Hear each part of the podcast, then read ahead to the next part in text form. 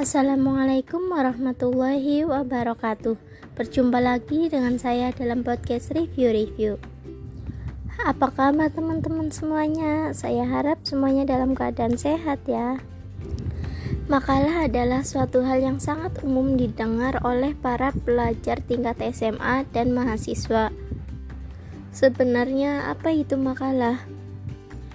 Makalah adalah karya tulis ilmiah yang di dalamnya membahas sebuah masalah dan untuk mendapatkan pembahasan masalah yang lebih lanjut.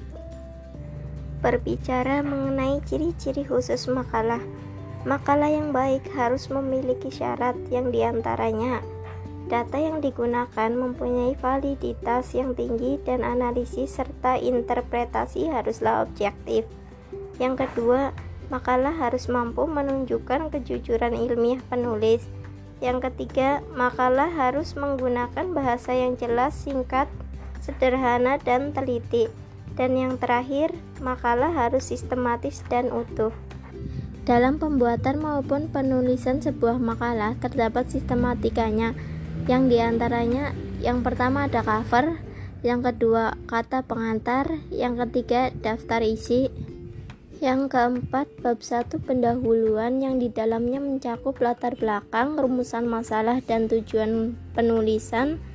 Yang kelima, bab dua pembahasan. Yang keenam, bab tiga penutup yang di dalamnya mencakup kesimpulan dan saran, serta yang ketujuh daftar pustaka. Agar penyusunan makalah menjadi efektif, maka perlu strategi dalam penulisannya. Terdapat tiga tahap strategi penulisan makalah. Yang pertama persiapan, yang kedua penulisan, dan yang ketiga pemeriksaan hasil tulisan.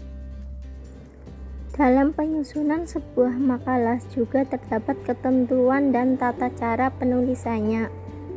Di antara tata cara penulisan tersebut yaitu yang pertama jenis huruf diketik dengan font Times New Roman dengan ukuran 12 yang kedua, jarak baris.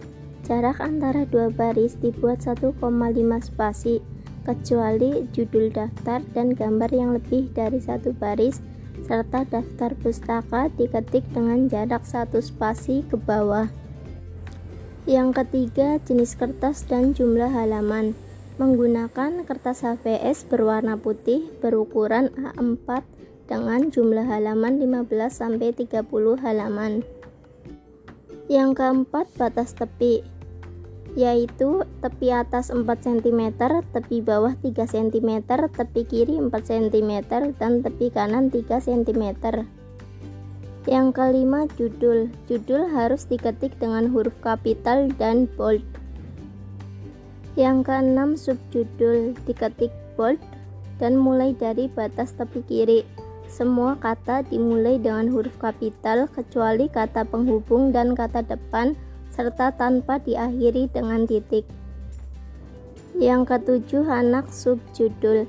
Diketik mulai dari batas tepi kiri hanya huruf yang pertama saja yang berupa huruf kapital serta tanpa diakhiri tanda titik. Yang kedelapan sub anak subjudul diketik mulai dari batas tepi kiri hanya huruf pertama saja yang berupa huruf kapital serta tanpa diakhiri dengan titik.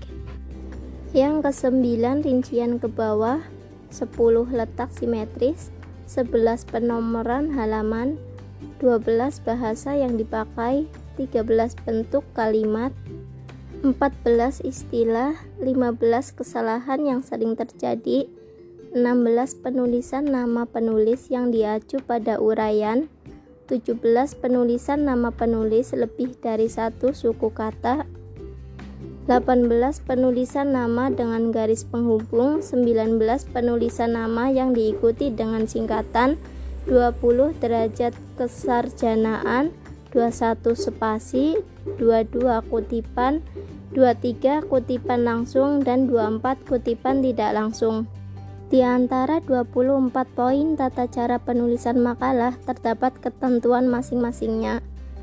Cukup sekian podcast kali ini, sampai berjumpa pada episode selanjutnya. Wassalamualaikum warahmatullahi wabarakatuh.